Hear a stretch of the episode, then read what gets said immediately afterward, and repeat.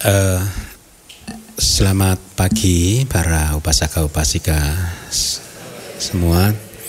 Semoga anda semua dalam keadaan sehat, damai, bahagia, selalu bertemu dengan teman-teman yang bijaksana, tidak pernah atau terhindar dari persahabatan dengan orang yang tidak bijaksana. Semoga Anda semua selalu mendapatkan kesempatan untuk mendengarkan dhamma yang benar. Semoga Anda semua bisa mendapatkan kesempatan untuk berlatih dhamma dengan benar. Baik, terima kasih. Uh, jadi pertemuan kita kali ini adalah akan merupakan kelas yang terakhir di semester ini ya. Jadi kita akan libur mungkin hampir satu bulan. Uh, saya tidak ingat Juli tanggal berapa kita masuk. 15. Hah? Kelas ini akan dimulai lagi tanggal 15 Juli. Jadi cukup lama ya libur kita ya. Nah, eh, saya akan melanjutkan pelajaran kita tentang Mahasati Padhana Sutta karena Sutta ini memang sangat panjang Uh, oleh karena itu saya ingin memanfaatkan waktu semaksimal mungkin supaya cepat selesai. Meskipun untuk katakanlah 20 kelas atau lebih nanti hanya untuk satu suta tapi jangan pernah berpikir bahwa aduh Bante kenapa 25 kali pertemuan hanya membahas satu suta? Kelihatannya satu suta tetapi informasi yang diberikan di dalam suta ini dan yang ada dari di kitab komentar subkomentar itu sangat lengkap sekali sehingga meskipun hanya Anda mempelajari satu suta ini pun seharusnya juga cukup untuk memahami peta spiritual untuk mencapai nibbana. Jadi dengan pertimbangan nilai penting dari suta ini maka saya memutuskan untuk terus membabarkannya dengan selengkap mungkin meskipun saya tahu bagi sebagian anda, buat sebagian dari Anda yang tidak mempunyai fondasi pengetahuan Tripitaka yang cukup kuat, maka suta ini akan terkesan sangat rumit, kering dan lain sebagainya, tetapi eh, Anda kembangkanlah sada Anda karena dari suta inilah maka banyak makhluk mencapai tingkat kesucian.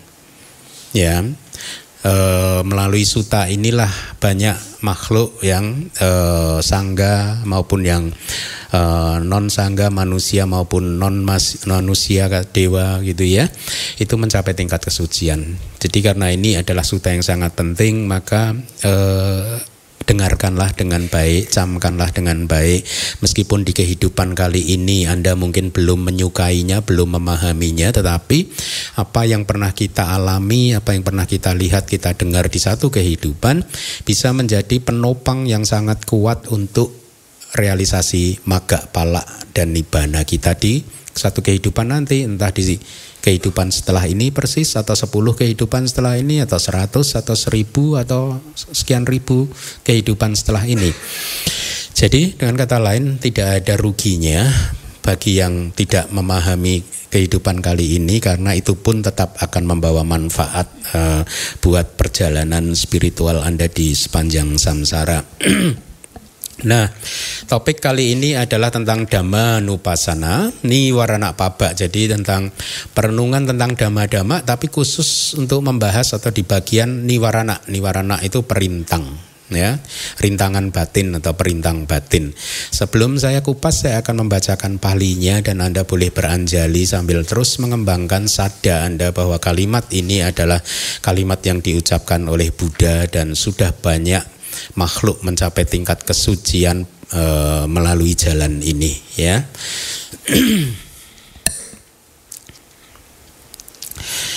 Namo tassa bhagavato arahato sama sambuddhasa Namo tassa bhagavato arahato sama sambuddhasa Namo tassa bhagavato arahato sama sambuddhassa. Kadinda bana bikawe biku Dhamme sudamanupasi viharati. Ida bikawe biku sudamanu pasi viharati pencasu niwaranesu කදෙන්ජපනබිකවේ පිකු තමිසු තමනු පසී විහරති පෙන්චසු නිවරණිසු ඉඩබිකවේ පිකු සඳංවාය චතංගම චන්ඩං අති මේ අජතංගම චන්ඩෝදී පචනතිී Asandang wa jatang gama candang Nadi me ajatang gama cando ti pajanati. Yata ca nupana sa gama pajanati. Yata ca upanasa kama candasa bahanang hoti. Ten ca bacanati Yata ca pahinasa kama candasa yatingan upadohoti. Ten ca bacanati Sandang wajatang biapadang padang. Ati me ajatang biapadoti bacanati. Asandang wajatang biapadang Nati me aja tang biapa ajatang biapadoti bacanati. Yata canupanasa biapadasa upadohoti Tenca bacanati. Yata ca upanasa biapadasa bahanang hoti tenja bacanati, yada ca hina sabya pada sayuting anu pada padohoti. Tenja bacanati, sandang wajatang dinamidang adi me dang dinamidanti bajanati asantam wajatang dinamidam. Nati me ajatang dinamidam. Di ca yata janubana satinamidasa upadohote ten ca bajanati. Yata ca upanasa dinamidasa bahanang hote ten ca bajanati. yada ca bahina sa dinamida sa ayating anupadohoti ten ca bajanati sandang wajatang Uda ca kukucam ati me ajatam udah ca kukucanti Azandang Asandang wajatang udah caku kucam Nati me jatang udah caku kucanti bajanati Ya Yata janu panasa udaca kukuca sa upadohoti Ten ca pejanati Yata ca upanasa udaca kukuca sa bahanang hoti Ten ca Ya Yata ca pahinasa udaca kukuca sa ayating anupadohoti Ten ca pejanati Sandang jatang vichikicang Adime ajatang vichikicang di bajanati Asandang jatang vichikicang Nati me ajatam vichikicati bajanati Yada canupanaya vichikicaya upadohoti tenja bejanati yada ja jau banaya jaya bahanang hoti tenja bejanati yada jabahinaya jaya ayatim nanupadohoti tenja bejanati Iti ejatan wadame sudamanu pasi viharati Bahidawadamesu dhamanupasi viharati Ajata bahidawadamesu dhamanupasi viharati Samudaya dhamanupasi wadamesu viharati Waya damanu pasi wadamesu wiharati. Samudaya damanu pasi Waya damanu pasi wadamesu wiharati. Ati damati wapanasa sati Pacupati tahoti. Ya wadewanya namataya Pati sati mataya. Anisito ca wiharati. Na cakin ciloke upadiyati Ya Ewam biko bikawe biko Dhamesu dhamanupasi wiharati pencasu waranesu Sadu Sadu Baik, jadi itu adalah sutanya ya. E, mari kita mulai kelas kita. Saya minta PIC. Oke, ya, silakan. Dan bagaimanakah para biku? Seorang biku berdiam sebagai pengamat dama-dama di dalam kaitannya dengan dama-dama. Di sini, para biku, seorang biku berdiam sebagai pengamat dama-dama di dalam kaitannya dengan dama-dama yang berkaitan dengan lima rintangan batin. Dan selanjutnya bagaimanakah para biku, seorang biku berdiam sebagai pengamat dama-dama di dalam kaitannya dengan dama-dama yang berkaitan dengan lima rintangan batin? Di sini para biku, ketika hasrat indriawi eksis di dalam dirinya, seorang biku mengetahui ada hasrat indriawi di dalam saya. Ketika hasrat indriawi tidak eksis di dalam dirinya, dia mengetahui tidak ada hasrat indriawi di dalam dirinya. Dan bagaimana kemunculan dari ketidakmunculan hasrat indriawi, dia juga mengetahuinya. Dan bagaimana pengingkiran hasrat indriawi yang tidak muncul, dia juga mengetahuinya. Dan bagaimana ketidakmunculan di masa depan hasrat indriawi yang telah disingkirkan, dia juga mengetahuinya. Ketika niat jahat eksis di dalam dirinya, dia mengetahui ada niat jahat di dalam diri saya Ketika niat jahat tidak eksis di dalam dirinya, dia mengetahui tidak ada niat jahat di dalam diri saya. Dan bagaimana kemunculan dari ketidakmunculan niat jahat, dia juga mengetahuinya. Dan bagaimana pengingkiran niat jahat yang telah muncul, dia juga mengetahuinya. Dan bagaimana ketidakmunculan di masa depan niat jahat yang telah ditinggalkan, dia juga mengetahuinya. Ketika kemalasan dan kantuk eksis di dalam dirinya, dia mengetahui ada kemalasan dan kantuk di diri saya. Ketika tidak ke, tidak kemalasan dan kantuk tidak eksis di dalam dirinya, dia mengetahui tidak ada kemalasan dan kantuk di dalam diri saya. Dan bagaimana kemunculan dari ketidakmunculan kemalasan dan kantuk, dia juga mengetahuinya. Dan bagaimana pengingkiran kemalasan kemalasan dan kantuk yang telah muncul, dia juga mengetahuinya. Dan bagaimana ketidakmunculan di masa depan, kemalasan dan kantuk yang telah disingkirkan, dia juga mengetahuinya. Ketika kebingungan dan penyesalan eksis di dalam dirinya, dia mengetahui ada kebingungan dan penyesalan di dalam diri saya. Ketika kebingungan dan penyesalan tidak eksis di dalam dirinya, dia mengetahui tidak ada kebingungan dan penyesalan di dalam dirinya. Dan bagaimana kemunculan dari ketidakmunculan kebingungan dan penyesalan, dia juga mengetahuinya. Dan bagaimana pengingkiran kebingungan dan penyesalan yang telah muncul, dia juga mengetahuinya. Dan bagaimana ketidakmunculan di masa depan kebingungan dan penyesalan yang telah disingkirkan, dia juga mengetahuinya. Ketika keraguan eksis di dalam dirinya, dia mengetahui ada keraguan di dalam diri saya.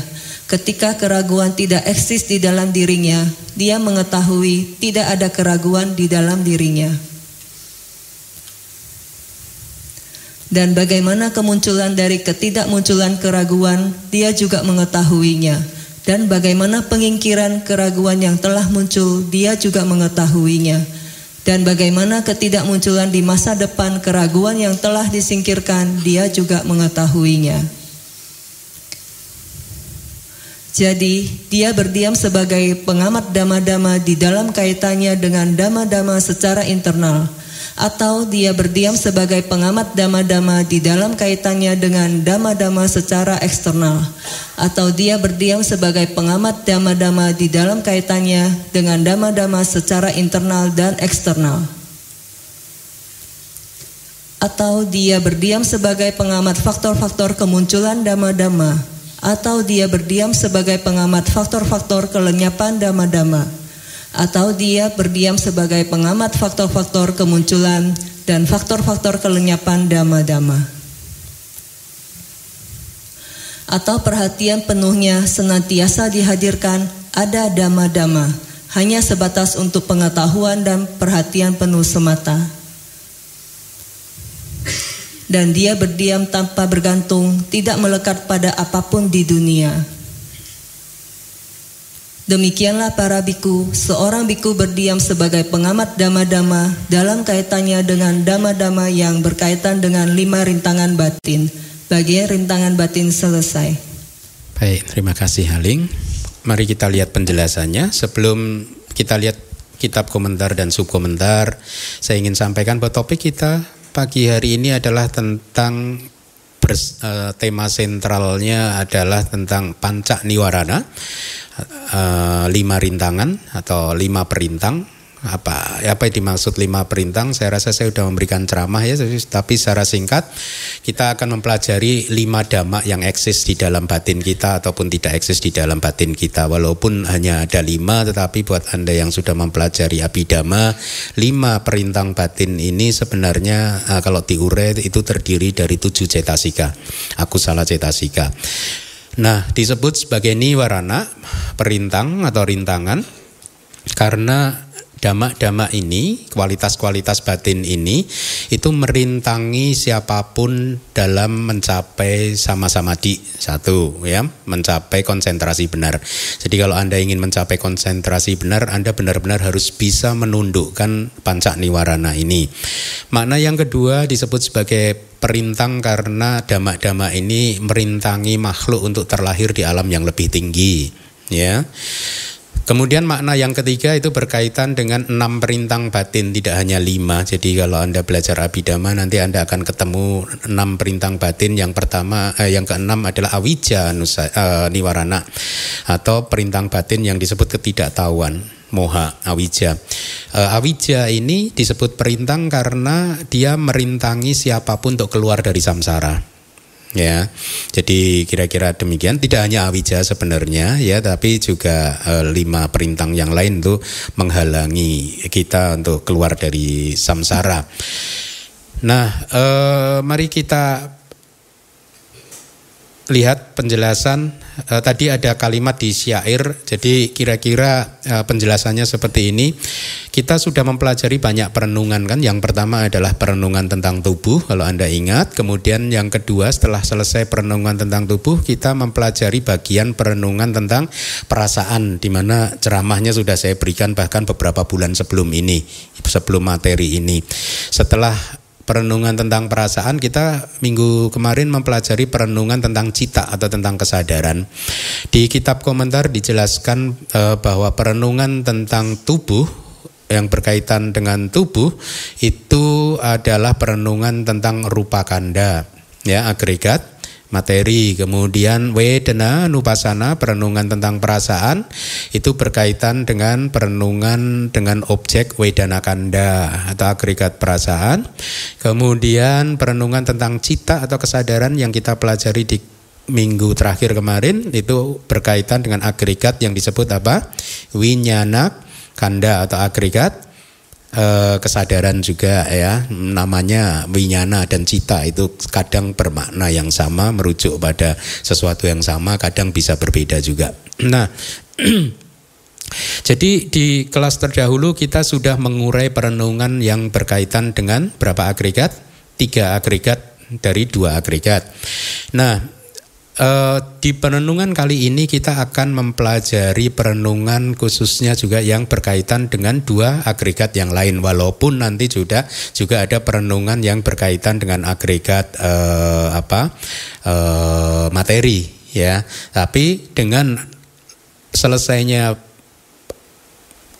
uraian Buddha tentang Dhamma Nupasana, maka uraian Buddha sudah menguraikan perenungan yang berkaitan dengan lima agregat secara lengkap. Inilah mengapa akhirnya suta ini benar-benar bisa menjadi peta spiritual karena memberi petunjuk kepada kita tentang bagaimana kita mencapai samadhi dan juga bagaimana kita mengamati nama dan rupa atau lima agregat dan bagaimana kita mengembangkan tahapan-tahapan kemajuan di dalam meditasi kita. Uh,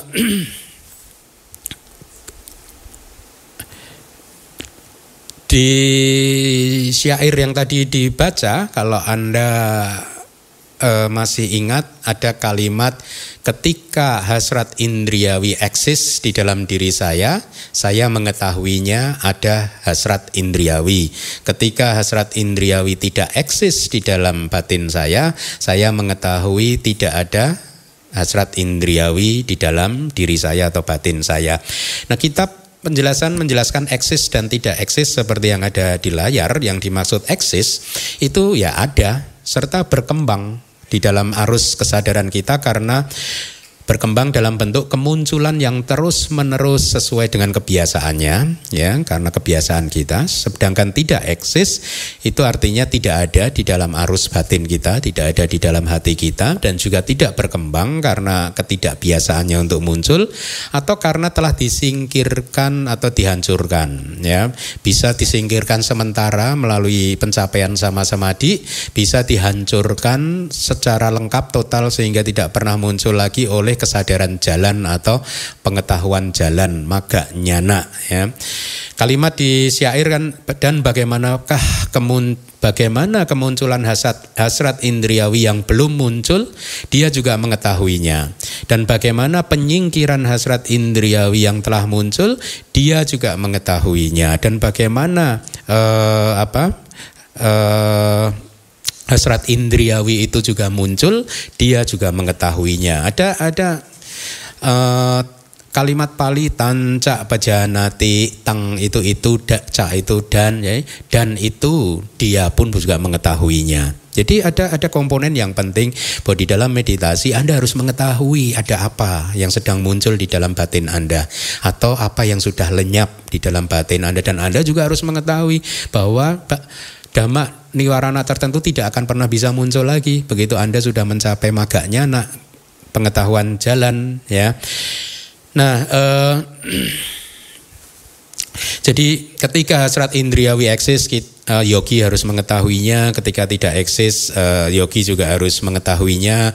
Kalimat ini perlu Anda renungkan karena tidak hanya berlaku di dalam meditasi saja, tetapi hendaknya juga bisa Anda praktekkan di dalam kehidupan Anda bahwa pada saat di dalam kehidupan sehari-hari ada hasrat indriawi sedang muncul di arus permukaan batin Anda, Anda mengetahuinya bahwa hasrat indriawi sedang eksis ya. Hasrat indriawi itu adalah hasrat untuk menyenangi, mencari objek-objek panca indera yang menyenangkan.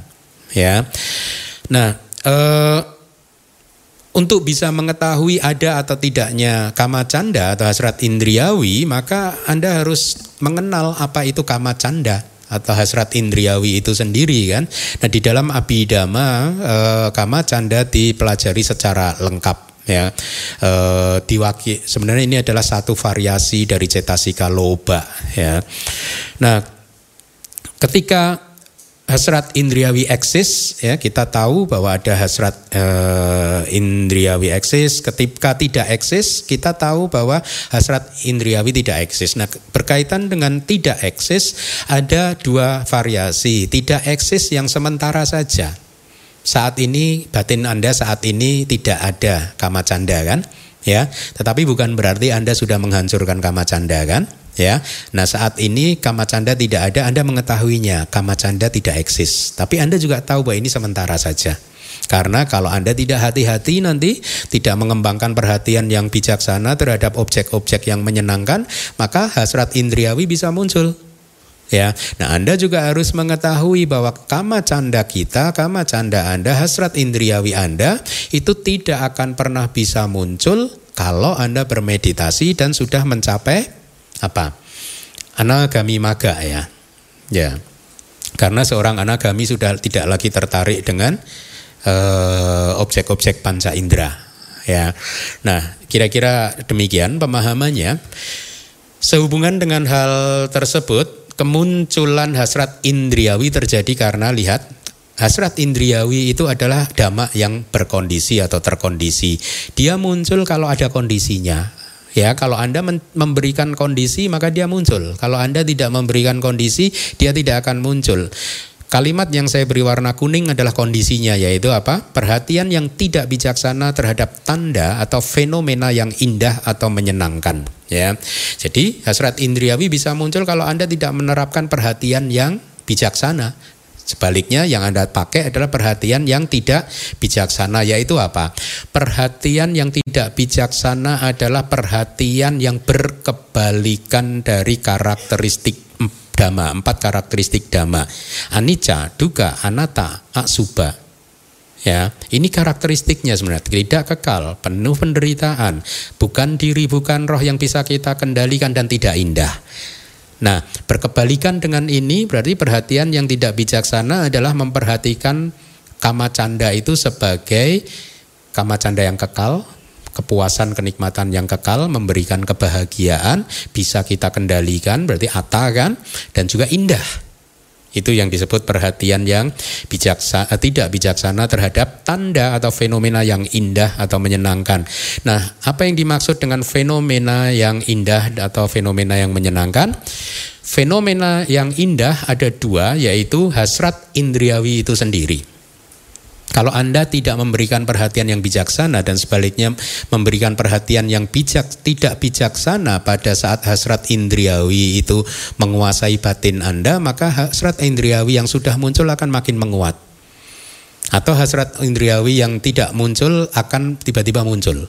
Misalkan Anda sudah banyak menikmati mengalami kenikmatan-kenikmatan panca indera kan? Ya kepuasan-kepuasan panca indera. Saat ini mungkin tidak ada hasrat indriawi tapi begitu Anda mengingat pengalaman masa lalu Anda yang memunculkan hasrat indriawi kepuasan kenikmatan ke, e, memberikan kenikmatan kepada Anda dan Anda tidak memperhatikannya secara bijaksana maka hasrat indriawi yang tadinya tidak muncul bisa muncul ya.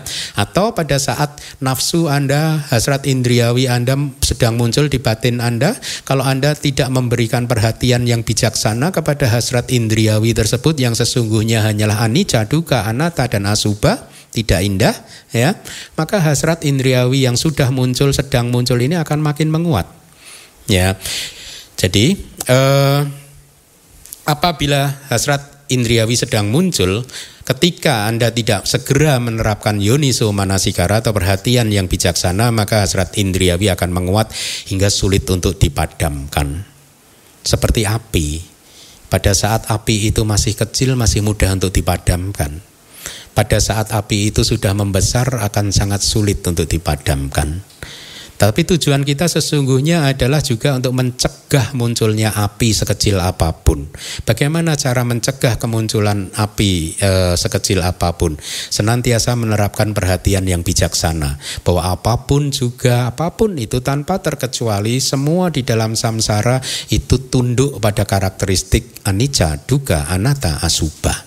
Kalau Anda senantiasa setiap detiknya menerapkan yoniso manasikara terhadap apa pun dalam kerangka empat hal ini tadi, maka Anda bisa mencegah munculnya api yang sekecil apa pun. Tidak hanya kama canda, tetapi juga lima rintangan batin yang lain. Nah, jadi definisi fenomena yang indah yang pertama adalah sesuatu yang indah, yaitu hasrat indriawi itu sendiri, dan yang kedua adalah objek yang indah yaitu objek mata Anda yang indah, yang eh, kemudian suara yang indah, objek hidung Anda yang indah, yang menyenangkan maksudnya, objek Eh, lidah yang menyenangkan, objek kulit Anda yang menyenangkan, itu semua adalah yang disebut sebagai fenomena yang indah. Kalau Anda tidak menerapkan perhatian yang bijaksana terhadap fenomena-fenomena yang indah tersebut, maka hasrat indriawi akan bisa uh, muncul.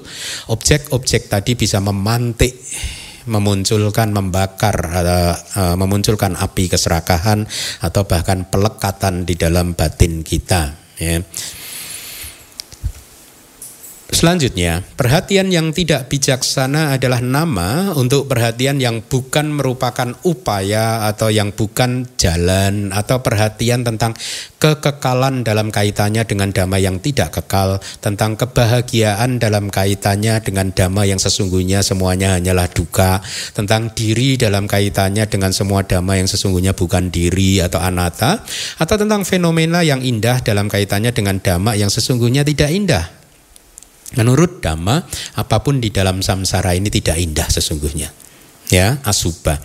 Nah, jadi ada empat perhatian poin perhatian yang tidak bijaksana yaitu apa? Kebalikan dari tadi yaitu nica, suka, atta dan subha atau indah. Dan e, oleh karena sering mengalirkan atau memunculkan perhatian, kalau kita sering memunculkan perhatian yang tidak bijaksana, maka kama cenda akan sering muncul. Akan sehingga kecenderungan batin akan terbentuk. Batin Anda akan terbiasa seolah-olah secara spontan tanpa Anda seolah-olah tanpa Anda kehendaki, dia langsung muncul. Setiap kali ada objek panca indera nafsu muncul. Karena sudah terbiasa untuk bereaksi secara itu. Nah, eh, tadi disebutkan yang pertama perhatian tentang kekekalan dalam kaitannya dengan dhamma yang tidak kekal. Apa sih dhamma yang tidak kekal? Lima agregat itu semua tidak kekal. Kalau kita berbicara lima agregat bukan hanya berbicara tentang diri kita sendiri, karena agregat materi itu ada di alam semesta ini. Ya, rupa kanda ada di alam semesta ini. Ya, e, nama kanda juga ada di batin semua makhluk ya. Jadi semuanya ini adalah tidak kekal. Ketika yogi atau meditator tidak mampu melihat bahwa lima agregat tersebut adalah tidak kekal, artinya melihat dengan kebijaksanaan yang benar, maka dia tahu bahwa uh, kalau dia bisa melihat dengan kebijaksanaan, maka yogi tersebut akan tahu bahwa lima agregat itu sesungguhnya adalah tidak kekal, hanyalah fenomena yang muncul untuk sesaat dan kemudian lenyap tanpa pernah bisa kembali lagi. Ya, apabila kita gagal melihat ini, maka kita akan menganggap lima agregat ya, uh, sebagai satu bentuk yang kekal. Contoh ya, kalau Anda menganggap bahwa suami Anda adalah suami Anda, maka Anda gagal menerapkan perhatian yang bijaksana uh, terhadap objek yang disebut suami Anda. Karena sesungguhnya suami Anda itu hanyalah lima kanda. Ya, sama juga suami kalau melihat bahwa itu adalah istri Anda, ya, maka Anda akan terjebak kalau tidak hati-hati terjebak pada kekekalan nanti ya sehingga akhirnya bisa memunculkan kama canda. Kalau anda melihat uh, ini adalah anakku rumah mobil ini adalah biku ya maka itu semua adalah perhatian yang tidak bijaksana. Karena perhatian yang bijaksana adalah perhatian yang melihat melihat apa pun dalam kerangka lima agregat yang anicca duka anatta asuba ya. Nah, pemahaman seperti ini akan uh, bagus buat Anda karena Anda sekarang tahu apa yang memantik menyebabkan munculnya api kama canda. Apa yang menghambat kemunculan api kama canda? Kalau Anda tidak bisa melihat bahwa sesungguhnya suami, istri, anak, mobil, rumah Anda itu hanyalah pancakanda yang muncul dan lenyap, maka bisa saja kama canda muncul dan kemudian bahkan menguat. Ya. Nah, Tadi juga disebutkan melihat kebahagiaan dalam kaitannya dengan penderitaan. Seperti yang sudah Anda ketahui, lima agregat itu sesungguhnya adalah duka. Ya, kenapa? Disebut bahwa pancakanda kita itu sesungguhnya duka, penderitaan. Kenapa? Karena pengertiannya begini, bukan berarti tidak ada kebahagiaan. Ya, ada kebahagiaan, tapi kebahagiaan itu pun juga duka. Susah kan memahaminya? Kalau Anda tidak mengetahui definisinya duka, lu bahagia kok penderitaan tuh gimana sih Bante ini? Halo gitu. ya. Nah, Anda memahaminya definisi duka adalah satu keadaan yang senantiasa tertekan oleh kemunculan dan kelenyapan, itulah duka. Anda mengalami kebahagiaan, tetapi kebahagiaan Anda itu sesungguhnya adalah dhamma yang tertekan oleh kemunculan dan kelenyapan. Dia cepat atau lambat harus lenyap. Itulah duka. Yat pan anicang tang dukang. Ya, e, apa pun yang anicca itu adalah duka. Ya, kebahagiaan Anda kan anicca kan? Makanya itu duka. Itu definisinya. Berkaitan dengan perhatian tidak bijaksana yang ketiga adalah menganggap ada diri atau roh yang bisa mengendalikan lima agregat ini, ya, yang bisa mengendalikan kepuasan-kepuasan Anda, kenikmatan-kenikmatan Anda, padahal sesungguhnya itu semua adalah anatta, ya. Kons, uh, pemahaman Anda tentang anatta itu pemahaman yang seperti apa? Pemahaman bahwa sesungguhnya segala sesuatu itu bukan milik kita dan tidak bisa kita kendalikan. Ya. Nah, jadi kalau menganggap bahwa ada sesuatu yang bisa kita kendalikan dan menjadi milik diri kita, maka itu adalah perhatian uh, bisa kita kendalikan, maka itu adalah perhatian yang uh, tidak bijaksana, perhatian yang menganggap ada diri atau roh di dalam salah satu atau semua dari lima agregat. Ada dua variasi dari anata ini. Yang pertama adalah sakaya didik, pandangan salah tentang identitas diri yang menganggap bahwa tubuh jasmani, perasaan ataupun agregat yang mana pun itu sebagai simbol dari identitas diri kita atau atasannya persepsi tentang adanya atak persepsi tentang adanya roh ya.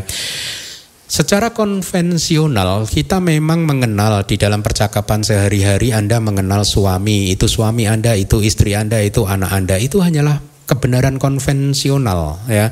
Ada biku, ada rumah, ada mobil, tapi itu semua adalah kebenaran konvensional. Kenapa? Karena pada kenyataan yang tertinggi tidak ada suami istri atau siapa pun itu juga yang ada hanyalah lima agregat. Tetapi begitu Anda menganggap bahwa figur-figur tadi suami istri atau yang lainnya itu uh, apa pun itu uh, sebagai figur yang benar-benar eksis, benar-benar ada, maka itulah yang dinamakan atasannya, persepsi tentang adanya atak, persepsi tentang adanya roh. Jadi Anda harus dengan kata lain sesungguhnya Anda harus mulai bisa membedakan. Ya, secara konvensional saya memang menganggap dia suami, dia istri Anda atau anak-anak Anda, tapi Anda paham itu hanyalah level konvensional saja. Karena sesungguhnya yang ada hanyalah pancakanda yang sama dengan pancakanda Anda juga. Nah, lima kanda selalu muncul dan lenyap apabila Anda menganggap lima kanda tersebut sebagai suami, istri dan lain-lain itu adalah perhatian yang tidak bijaksana karena bisa memantik api hasrat indriawi. Ayoniso manasikara yang keempat adalah menganggap yang tidak indah sebagai indah. Ya, Anda selama ini menganggap suami Anda indah enggak sih? Ayo jawab yang jujur. Oke, suami istri Anda indah enggak sih? Indah ya. Oke, baik. Baik suami atau istri sesungguhnya hanyalah terdiri dari 32 bagian tubuh saya sebutkan ya. Suami atau istri Anda ini sebenarnya hanyalah bentukan yang terdiri dari 32 komponen. Rambut kepala ada kan? Ada. Bulu badan ada. Kuku ada gigi, kulit, daging, otot, tulang, sumsum -sum tulang, ginjal, jantung, hati, selaput di dada paru-paru, limpa, paru-paru itu sendiri, usus, makanan yang belum dia cerna, itu tinggal di usus, ada enggak? Ada enggak? Ada. Di ususnya ada kotoran enggak? Yang nanti keluar di toilet ada enggak? Ah, oke, okay. Anda udah mengakui. Empedu, dahak, nanah, darah, keringat, lemak, air liur, ingus, Air kencing mana yang indah? Yang dari 32 tadi mana yang indah? Hah? Rambut indah. Oke. Okay. Kalau nanti rambutnya istri Anda dipotong, di, dicampur di makanan Anda, harusnya indah kan? Ah. Nah orang yang Anda cintai terdiri dari 32 bagian tubuh yang seperti itu. Bagian mana yang Anda cintai? Yang kotoran sih Bante. Benar.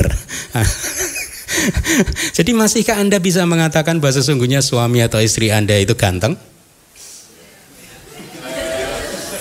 Anda masih ingat cerita Sirima? Hah? Tadinya mahal diberikan gratis juga nggak ada yang mau kan? Ya. Jadi kalau Anda masih menganggap suami atau istri Anda itu indah, maka itu adalah ayoniso manasikara. Perhatian yang tidak bijaksana ya. Berdasarkan perhatian yang tidak bijaksana itu maka nafsu muncul, hasrat-hasrat indriawi bisa muncul. Nah, jadi hasrat indriawi muncul ketika perhatian yang tidak bijaksana itu Anda munculkan. Kalau dia berkali-kali muncul, maka sering akan muncul hasrat indriawi terhadap objek yang menawan hati. Istri Anda adalah objek yang menawan hati buat para suami. Suami Anda adalah objek yang menawan hati buat uh, para istri, ya. Nah, jadi apabila Anda mempunyai objek yang menawan hati, misalnya nih pasangan hidup ya gitu, kita bicara pasangan atau bahkan anak Anda ya. Apabila Anda terus-menerus memahami mereka sebagai pasangan hidup atau anak bukan sebagai lima kanda, maka pelekatan, kemelekatan istilah populernya akan menjadi semakin kuat. Dan ini adalah penghalang untuk pencapaian samadhi, penghalang untuk pencapaian kelahiran yang lebih tinggi. Gitu. Itulah mengapa Buddha mengatakan sehubungan dengan hal tersebut, ini kata-kata Buddha, kemunculan hasrat indriawi terjadi karena perhatian yang tidak bijaksana terhadap tanda atau fenomena yang indah atau menyenangkan. Ya. Jadi di suta tadi kan dikatakan ketika hasrat indriawi eksis di dalam dirinya seorang biku mengetahui ada hasrat indriawi di dalam saya, di dalam diri saya. Ketika hasrat indriawi tersebut muncul karena ayoniso manasikara atau perhatian yang tidak bijaksana maka Anda harus mengetahuinya. Kenapa ini muncul? Oh berarti ada ayoniso manasikara. Ada perhatian yang tidak bijaksana. Lalu bagaimana cara mengaplikasikannya? Kita harus menganalisis hasrat indriawi tersebut. Pertama, kita harus tahu bahwa hasrat indriawi tersebut muncul dari kesadaran yang berakar pada loba atau loba mula cita, yang kemunculannya itu bergantung pada objek dan landasan. Kalau sudah mencapai samadhi, guru akan meminta yogi untuk menganalisis pada saat hasrat indriawi itu muncul, dia harus melihat bahwa ini muncul melalui kesadaran yang berakar pada keserakahan. Nah, pada saat misalkan hasrat indriawi itu muncul melalui mata, maka biasanya guru akan mengajarkan kepada kita untuk melihat menganalisis objek yang memunculkan hasrat indriawi tadi, objek yang menyenangkan tadi, dan juga untuk menganalisis landasan mata. Ya sampai kemudian yogi mengetahui bahwa sesungguhnya objek mata dan juga landasan mata itu hanyalah rupa kanda ya. Kemudian pada saat objek mata itu mem, uh, objek dari mata yang uh, anda objek menawan dari mata anda itu membentur indera mata anda berbenturan dengan landasan mata anda atau bahasa populernya adalah apa? Ya indera mata kan ya. Membentur indera mata Anda. Pada saat itu sesungguhnya objek tadi tidak hanya membentur landasan mata tapi juga membentur landasan hati ya sehingga pada saat dua landasan ini sudah berbenturan dengan objek mata maka muncullah satu proses kognitif.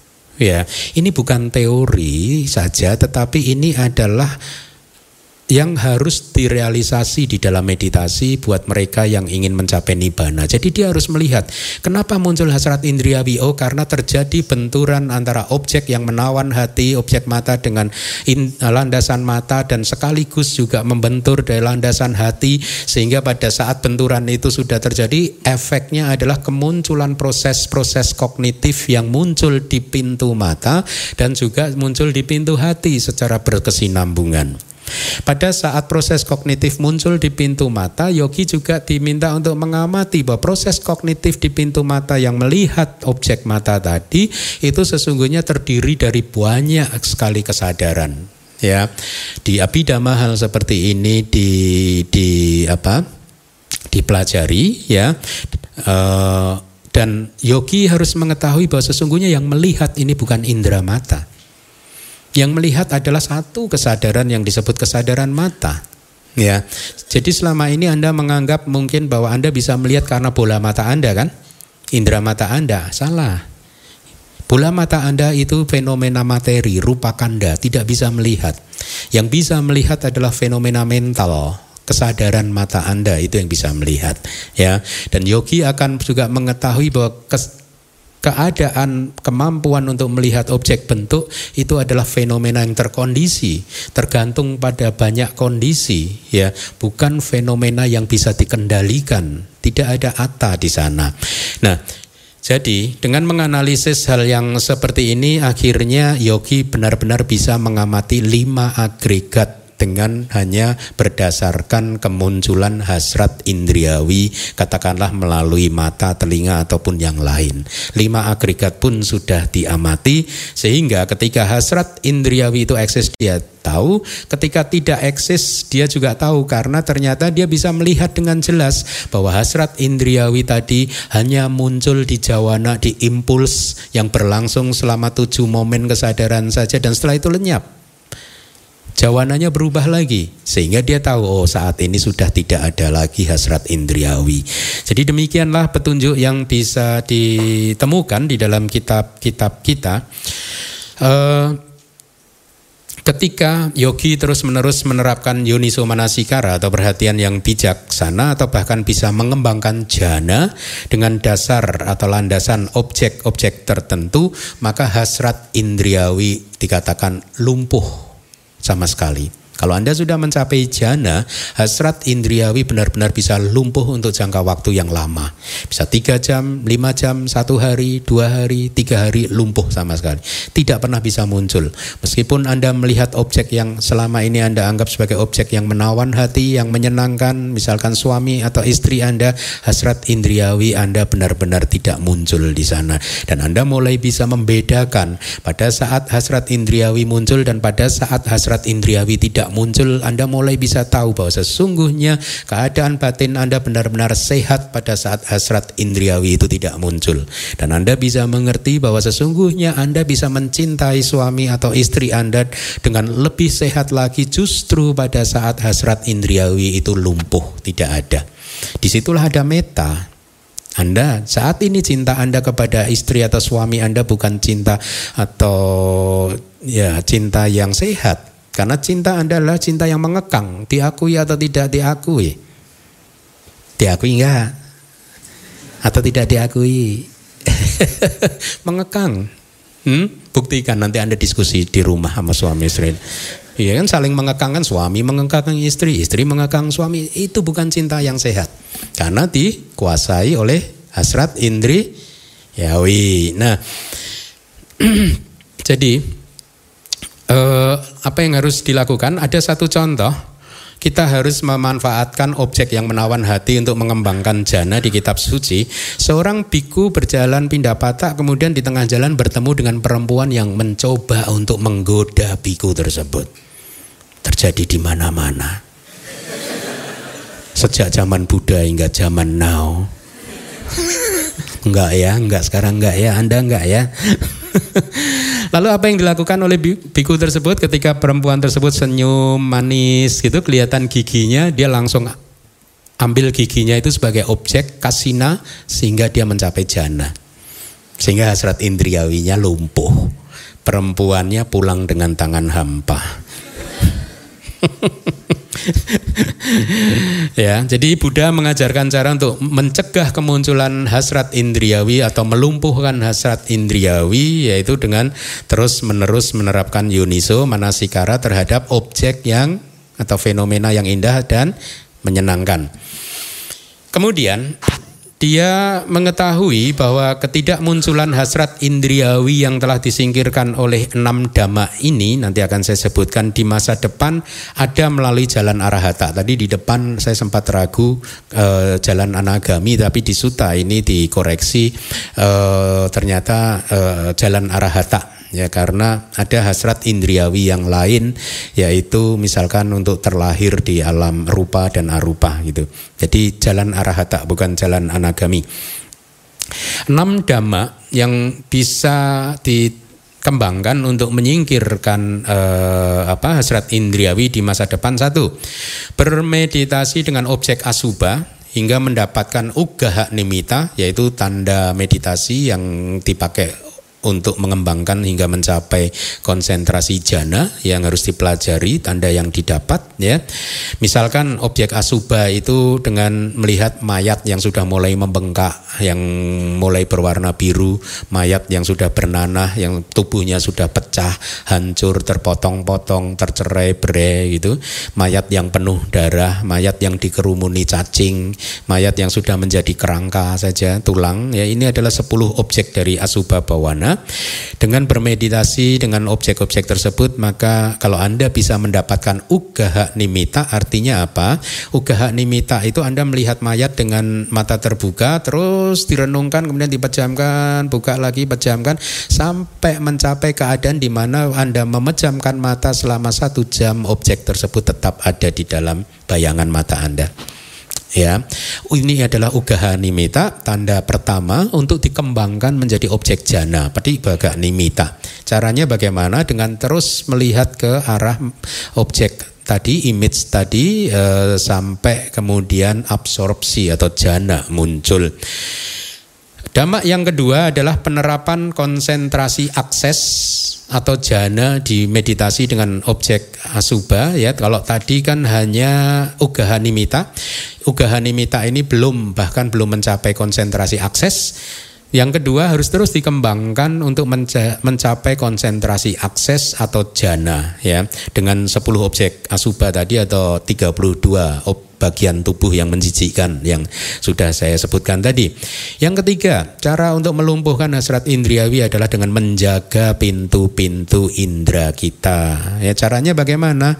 Kalau Anda bertemu dengan objek yang menawan hati, jagalah pintu-pintu indera Anda. Cara yang paling mudah adalah fokus pada subjek meditasi Anda. Misalkan Anda sudah terbiasa dengan nafas, maka pada saat itu segera fokus pada nafas masuk, nafas keluar, nafas masuk, nafas keluar. Dengan demikian Anda menjaga indera-indera Anda dari serbuan hasrat indriawi sehingga Anda tidak terbakar oleh api hasrat indriawi sekecil apa pun. Karena api yang kecil bisa membesar. Lebih baik mencegah tidak ada api sama sekali yang bisa muncul. Yang keempat, makan secukupnya. Ya, jangan makan sate kambing. makan yang terlalu bergizi bisa memuncul. Kalau Anda kurang gizi, Anda nggak punya hasrat. Bukan, tidak harus separah sampai itu ya makan secukupnya itu artinya makan berhenti kira-kira 5 suap 5 sendok ya nasi sebelum uh, sebelum Anda kenyang. Jadi Anda kira-kira ini jangan sampai makan itu terlalu kenyang. Kalau di teks disebutkan sampai kayak babi berguling-guling gitu. Mau bang mau bangkit dari tempat duduk aja susah gitu. Uh, gitu susah. Nah, itu kekenyangan. Jadi berhentilah lima suap, lima sendok ya sebelum Anda kenyang diisi dengan air. Habis itu minum dengan air. Ya. Jadi dan itu malah menyehatkan kita kok. Saya mempraktekkan itu beberapa sudah bertahun-tahun. uh, yang kelima adalah Anda harus berasosiasi dengan teman yang baik mendapatkan dukungan teman yang baik dan lingkungan yang baik ya. Di kitab disebutkan contohnya adalah seorang biku yang bernama Tisa Tera karena beliau ini menyukai meditasi asuba ya. Itu tadi yang melihat gigi perempuan dan akhirnya mencapai jana tadi itu ya. Dia sangat master menguasai meditasi asuba. Nah, berasosiasi dengan orang yang seperti ini akan bisa membuat kita mampu untuk melumpuhkan hasrat indriawi yang keenam adalah mendengarkan damatok yang baik, ya. Memang ada damatok yang tidak baik.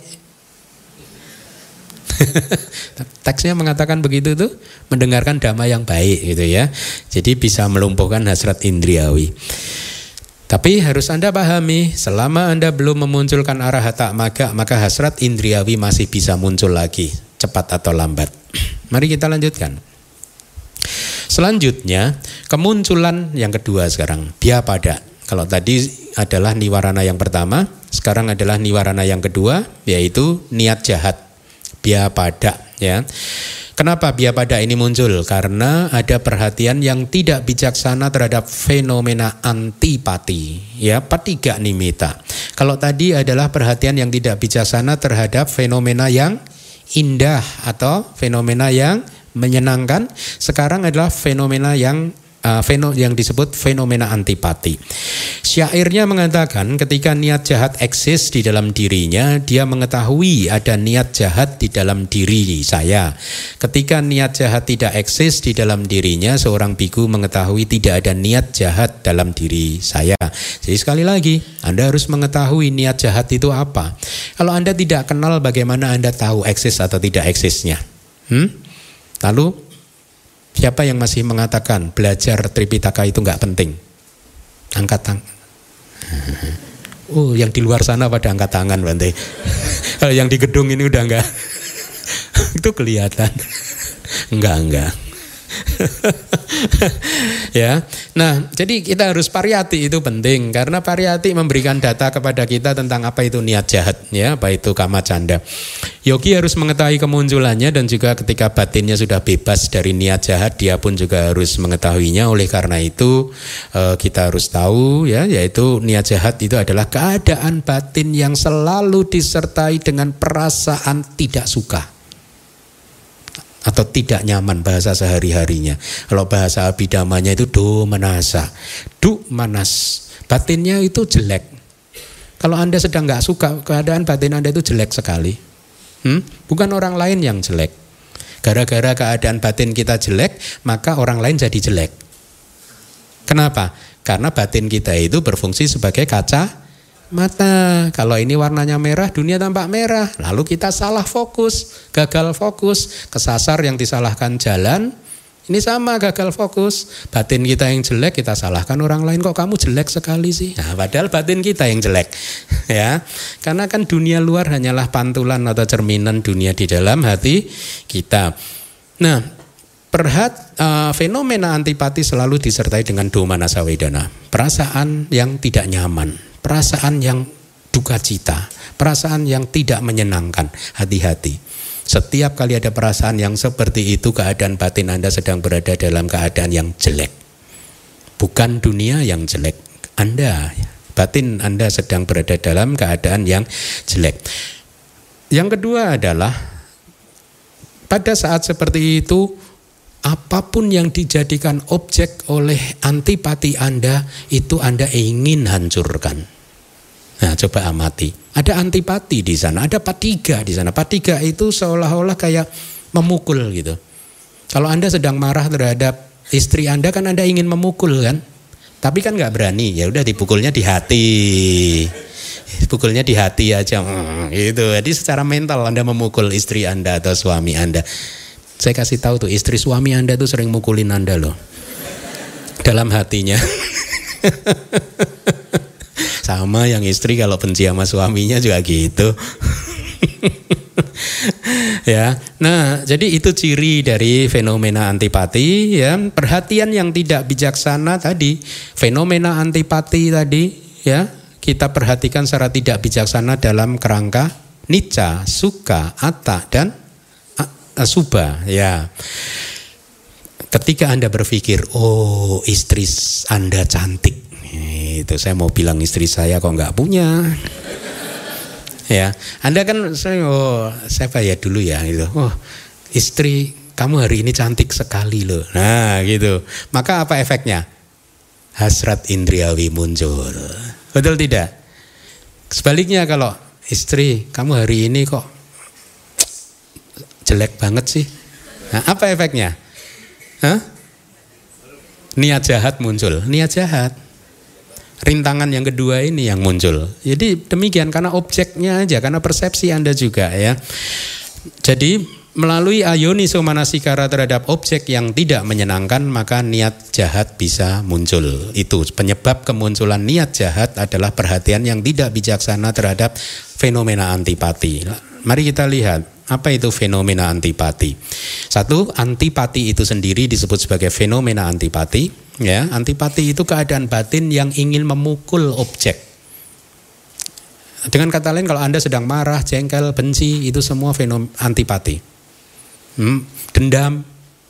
Semua fenomena yang saya sebutkan tadi, Anda seolah-olah memukuli objeknya kan? Katakanlah Anda jengkel dengan pelayan restoran yang tidak memberikan makanan yang baik. Coba lihat ada antipati di sana. Anda ingin memukul pelayan tadi atau Anda bahkan memukul makanannya itu secara mental. menyebalkan ya, dan seterusnya ya. Kira-kira begitu ya. Itulah antipati. Yang kedua adalah fenomena antipati adalah sesuatu yang menjadi objek dari antipati itu sendiri. Ya, misalkan Anda bertemu dengan orang yang pernah menyakiti Anda, maka itu bisa menjadi objek untuk memunculkan antipati, kemarahan, kebencian, dendam, dengki, ya eh, jengkel dan lain sebagainya.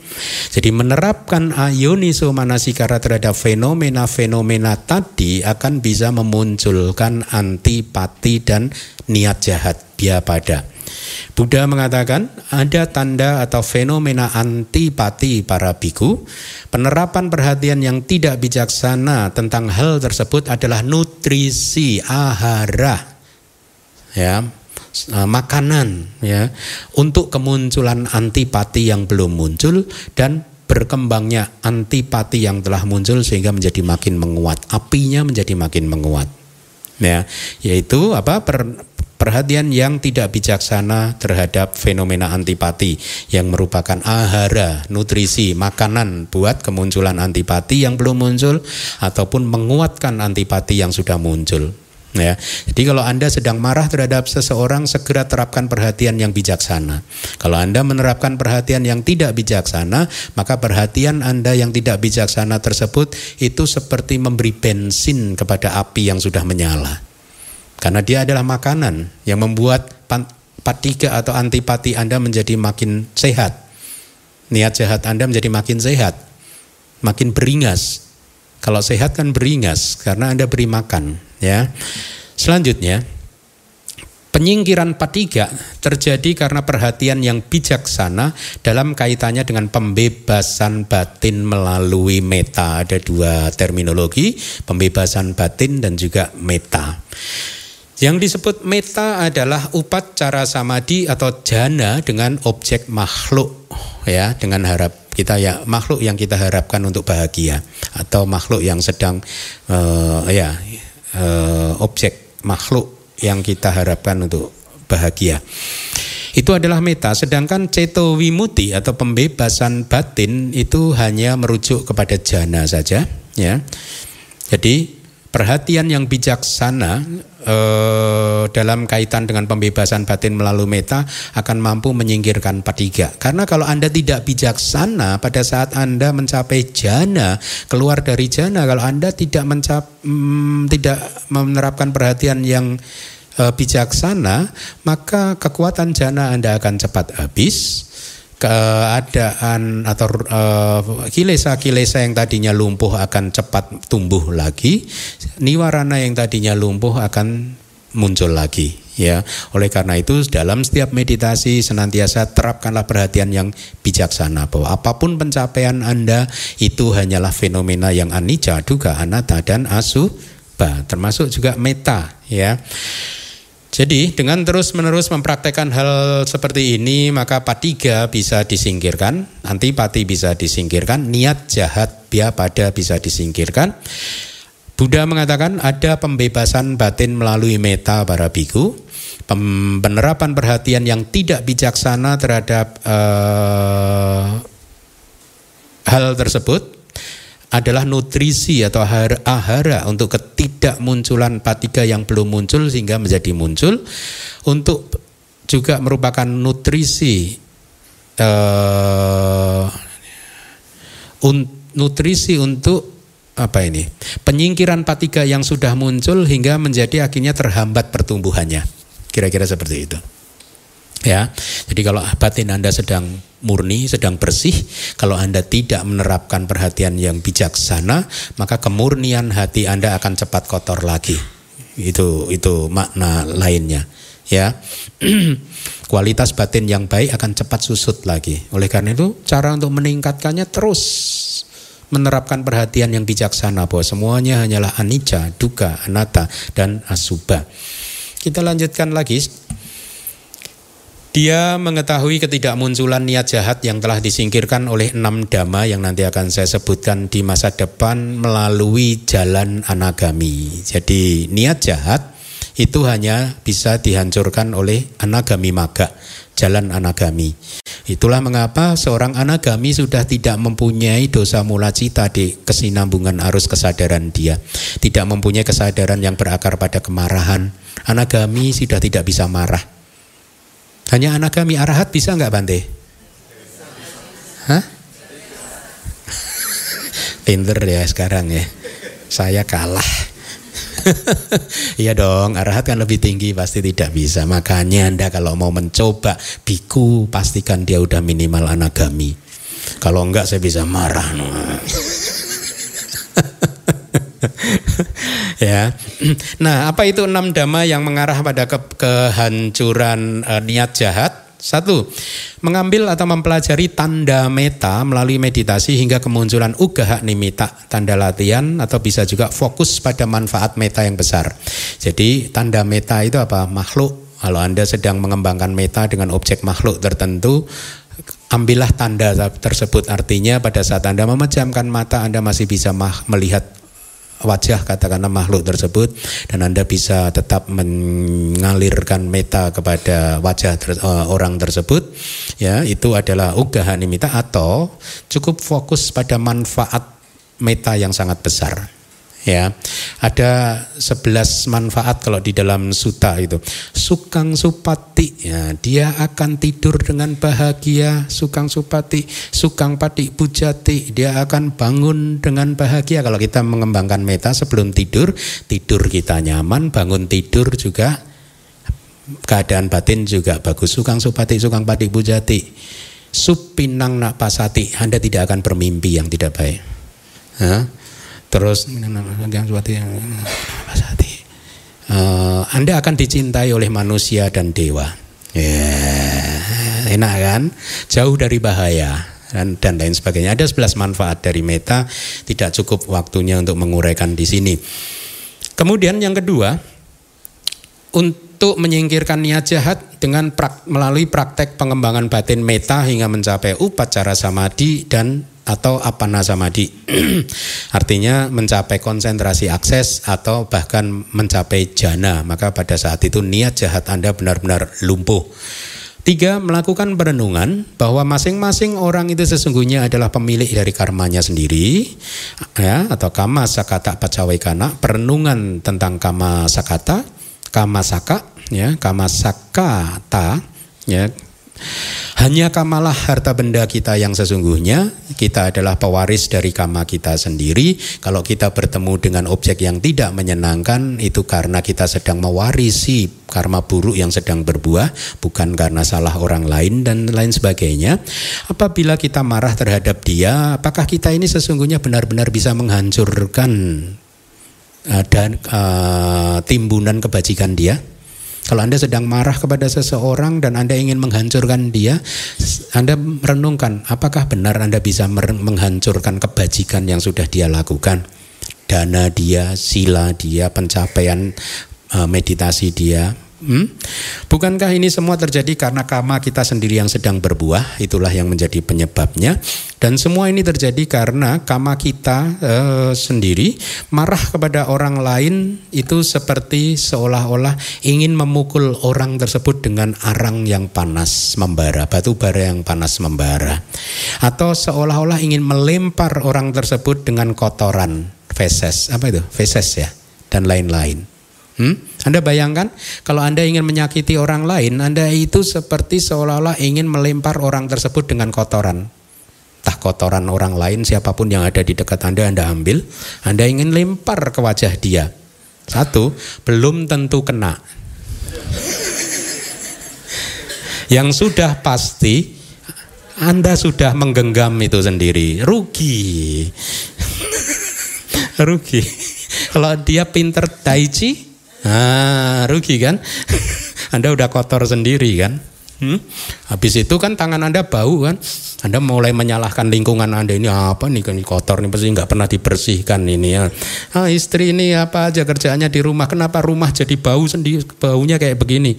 Anda nggak sadar tangan Anda sendiri yang bau. Bukan orang lain yang salah tapi Anda sendiri. Nah, eh, jadi atau dengan kata lain setiap kemarahan yang muncul, kita adalah korban pertama yang sudah pasti menjadi korban. Korban pertama dari kemarahan adalah diri kita sendiri. Orang lain belum tentu jadi korban. Kalau dia bijaksana, Anda marah-marah udah muka udah merah padam, mata udah merah padam, dia cuma hehehe gitu. kan rugi lagi. ya. Nah, sebaliknya Apabila ada seseorang marah kepada kita, sesungguhnya lalu apa yang harus kita lakukan? Kita merenung, apakah dia benar-benar bisa menghancurkan kita? Hmm? Dengan demikian kita nggak membalas kemarahan tersebut. Apakah dia bisa menghancurkan dana sila kita yang sudah kita timbun dan lain-lain ya? Terus kita juga merenungkan, oh dia marah itu karena kebiasaan dia, karma-karma dia, ya kasihan Nah, dia harus kita tolong gitu. Jadi di suta diberikan seperti halnya seseorang memberi hadiah kepada kita, itu bisa kita terima atau bisa juga kita tidak terima hadiah tersebut kan. Orang marah kepada kita bisa kita terima, bisa tidak kita terima. Ya, kalau kita tidak menerima hadiah kemarahan dari orang tersebut, maka kita tidak akan terkena efek dari kemarahan tersebut. Kalau kita menerima, ya kita akan terkena efek dari kemarahan tersebut. Atau seperti debu yang dilemparkan melawan angin, siapa yang kena? Orang yang marah itu sendiri. Hmm? Debunya belum tentu kena ke kita. Ya. Jadi kalau kita mau balas dendam, kita ingat kita sedang mau melempar debu yang melawan angin kita udah pasti kena sendiri. Belum tentu dia kena, rugi lagi. Ya udah, lebih baik dimaafkan. Kalau nggak bisa menghindar. Oke, oke, oke, besok lagi ya, besok lagi gitu. Awas. Ya, ada kan di damatok saya kan kalau Anda mau membalas dendam, balas dendamlah besok. Jangan saat itu. Rugi kalau saat itu. Besok kumpulkan tenaga dulu, ya kan? Begitu sudah udah satu hari kan udah menguat kan? Nah besok baru dibalas dendam. Jangan langsung. Hmm? Rugi besok. Apa efeknya? Besok nggak marah lagi. Jadi nggak lupa. Atau kalau mau marah minum kumur jangan ditelan bener bener bener jangan ditelan. Jangan ditelan. Hmm, itu pasti anda nggak marah. Karena kalau marah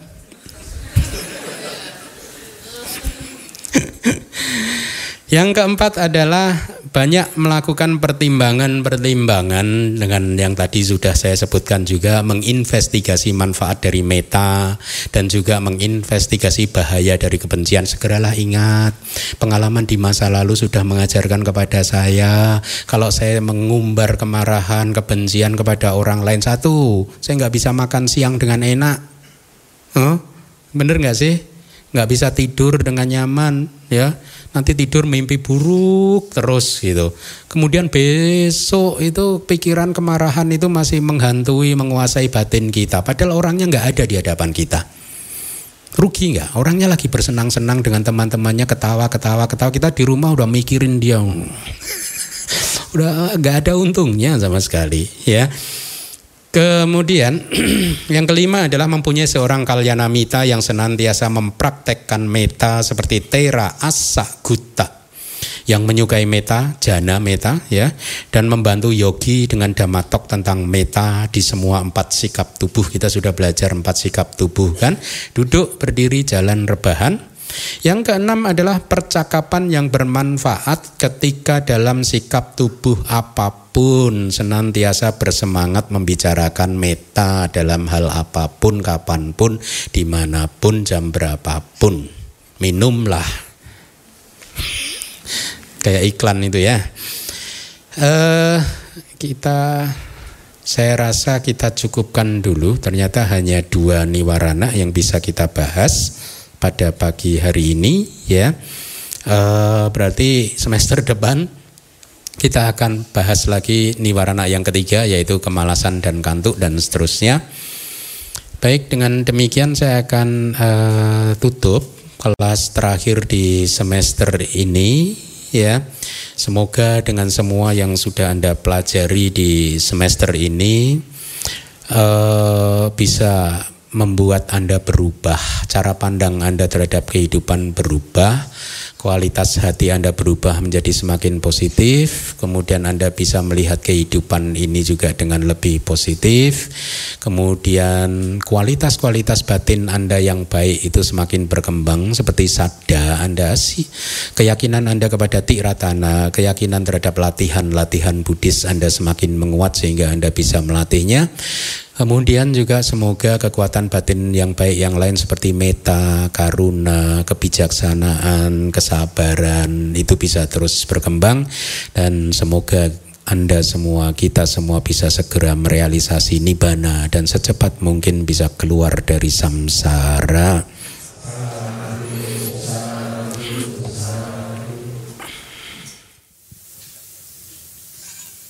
Oh ya. Yeah.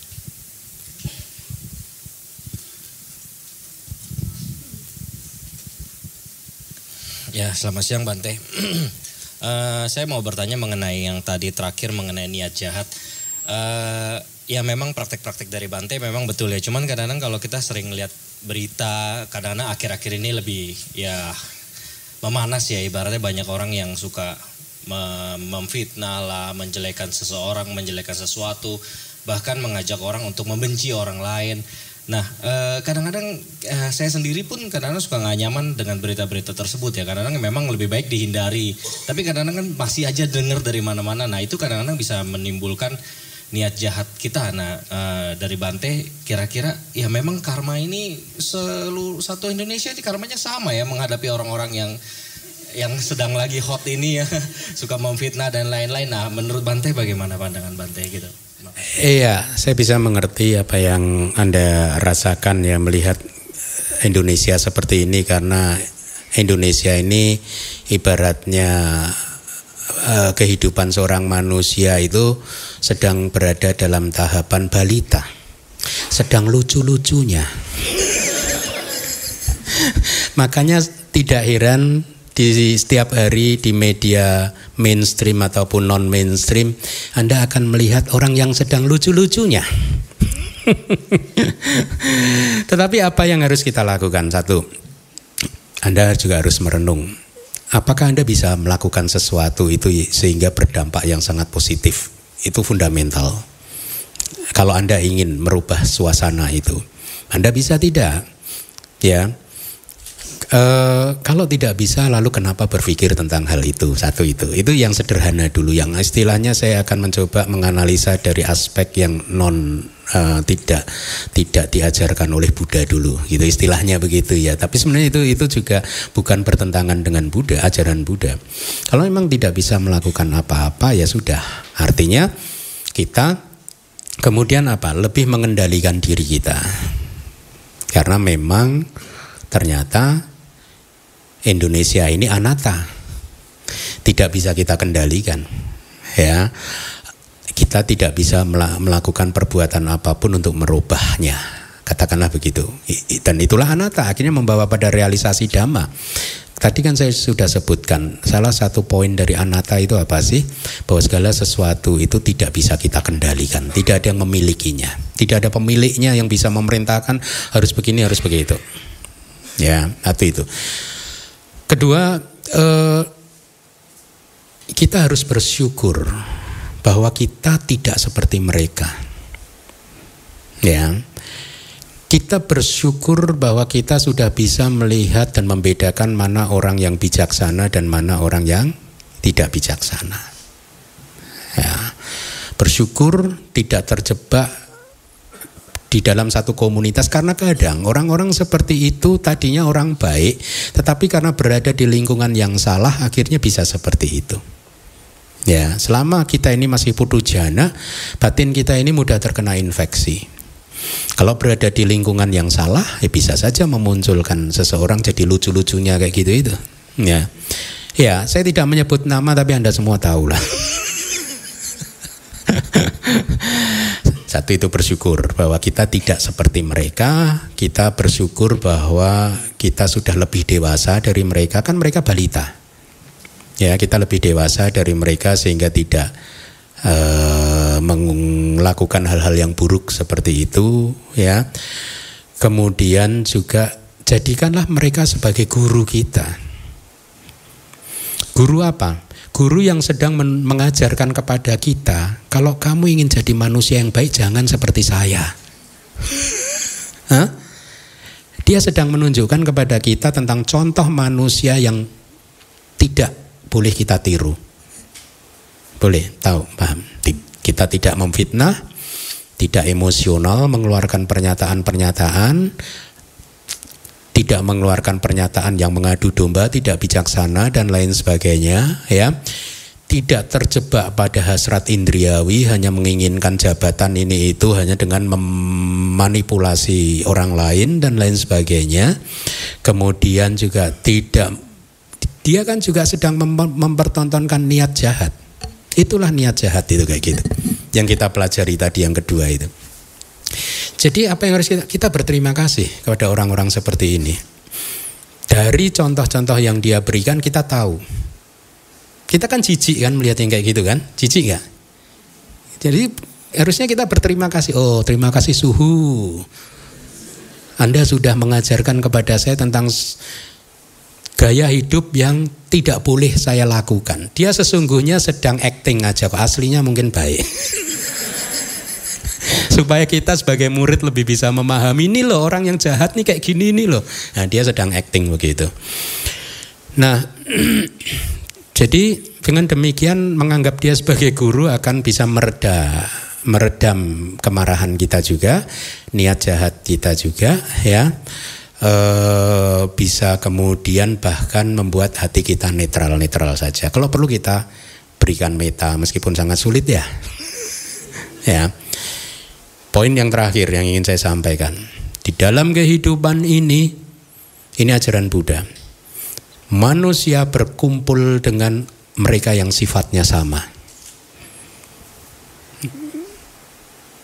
Di cangkak mana suta di Anggutara Nikaya kalau saya tidak salah Buddha mengatakan saya singkat saja sutanya para biku jadi waktu itu Buddha berada di dalam hutan kemudian dikelilingi oleh para biku Kemudian dia berkata kepada biku yang mengelilinginya, para biku, kalian melihat nggak yang Arya Sariputa di ujung sebelah sana?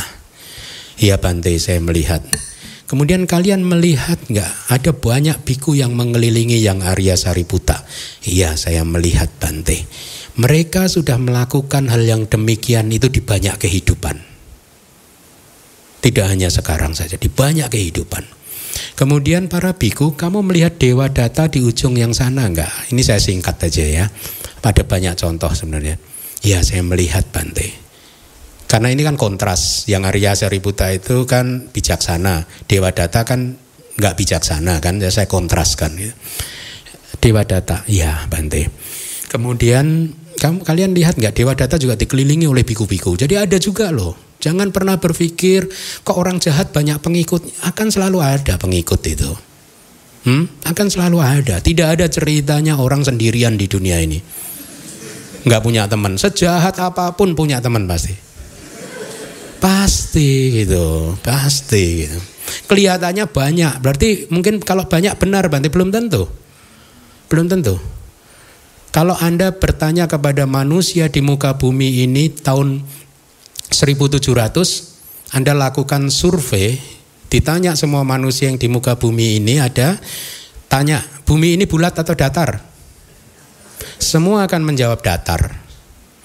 Mayoritas. Berarti benar. Hah? mayoritas akan menjawab datar. Jadi jangan pernah berpikir bahwa mayoritas itu menggambarkan kebenaran. Tidak.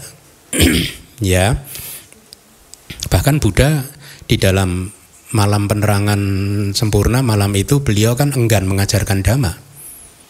Karena beliau sadar mayoritas manusia masih tenggelam dalam lumpur, banyak debu. Kalau saya mengajarkan dhamma hanya melelahkan buat saya dalam skala yang kecil meskipun saya jauh dari man, biku yang tercerahkan saya sering juga berpikir aduh melelahkan ya mengajar Anda semua ini. Saya itu pengen Anda itu belajar dhamma cepat lulus. Kalau Anda sudah lulus kan Anda nggak ke sini. Wah ini Anda udah lima tahun ke sini terus kan. Jadi saya harus mengajar lagi. Capek ya. Jadi mayoritas masih tenggelam dalam lumpur, tertutup debu di matanya dan lain sebagainya. Jadi mayoritas tidak menggambarkan apa-apa. Tidak maksudnya tidak menggambarkan kebenaran. Poin yang ingin saya sampaikan adalah tadi juga Dewa Data dan biku-biku yang mengelilinginya sudah melakukan seperti itu dalam banyak kehidupan. Kemudian Buddha menutup statementnya dengan kalimat yang sangat bagus sekali. Di dalam kehidupan ini makhluk-makhluk berkumpul karena kesamaan elemen. Mereka yang mempunyai elemen jahat akan berkumpul dengan mereka yang memang punya elemen jahat. Mereka yang bijaksana akan berkumpul dengan mereka yang mempunyai elemen kebijaksanaan. Dengan kata lain, kalau Anda ingin mengetahui anda itu seperti apa, lihatlah pada pilihan Anda itu nanti. Hah? Anda milih yang mana? Yang baik yang mana? Nah, nggak tahu Bante, pilihan saya ini baik atau nah, lihatlah kelompok yang Anda sukai itu. Paham? Ya, itulah Anda. Nah gitu. Jadi ya sudah, memang keadaannya seperti itu kita tidak bisa melakukan apa-apa, maka dia sedang mengajarkan dhamma ini adalah anata kehidupan itu di luar kendali kita ya. Tapi tetap kita jaga kendalikan indera-indera kita ya. Kalau membaca supaya jangan panas jangan terbakar dia terapkan terus perhatian yang bijaksana bahwa pada hakikatnya semua makhluk adalah lahir dari kamanya sendiri mewarisi karmanya sendiri dan lain sebagainya. Bersyukur saya tidak seperti itu. Bersyukur saya sudah bisa melihat bahwa yang kaya itu itu jelek. Hmm? Sudah bersyukur loh, itu pun sudah bagus loh. Ada yang belum bisa melihat loh bahwa kayak itu tuh jelek malah dideketin.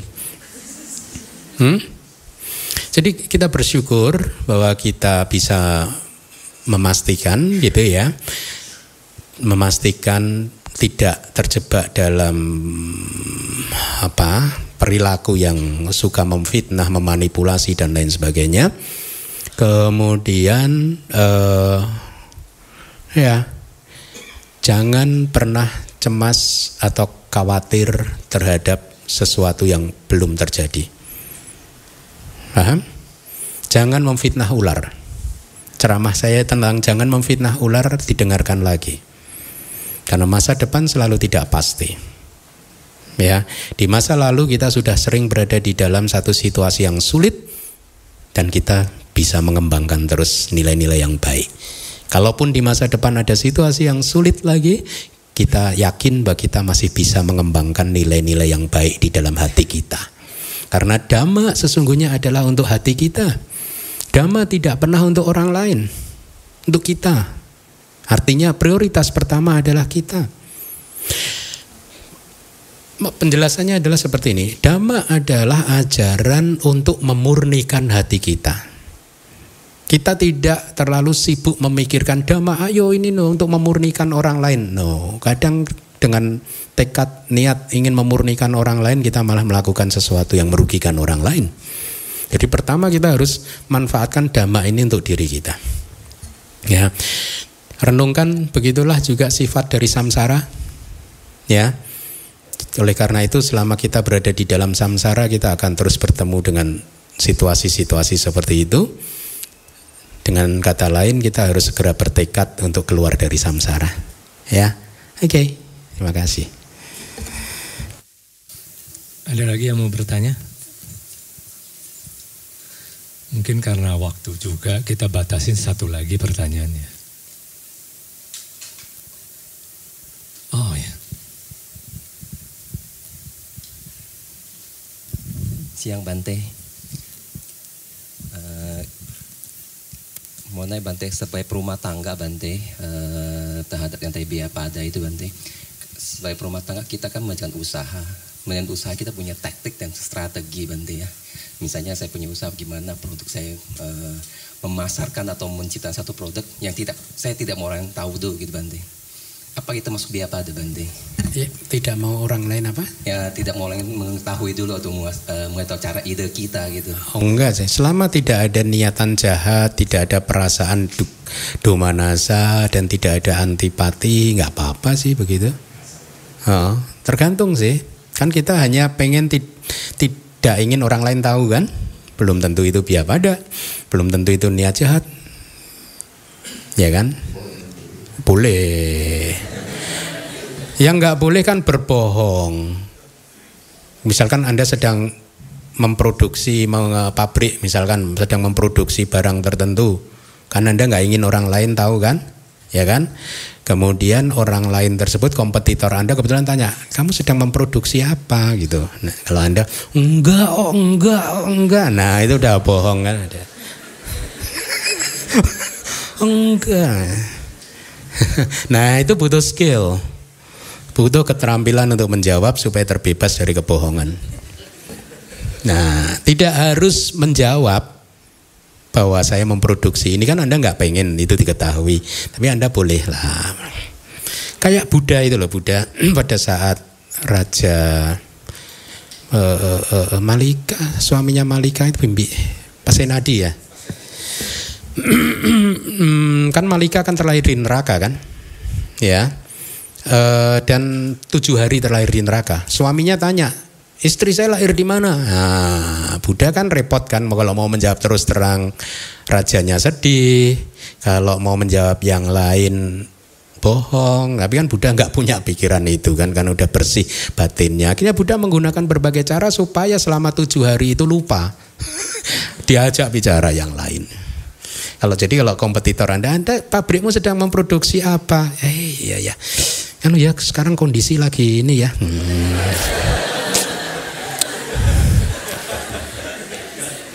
Politik, aduh ini surat kabar kok isinya begini-begini terus. Kamu mengikuti nggak sih berita itu gitu? Yang si A, si B, si C ini ini ini ini ini, ini. akhirnya kan dia iya lo iya lo iya, iya pulang lupa. Kira-kira begitu ya. Oke, okay, terima kasih.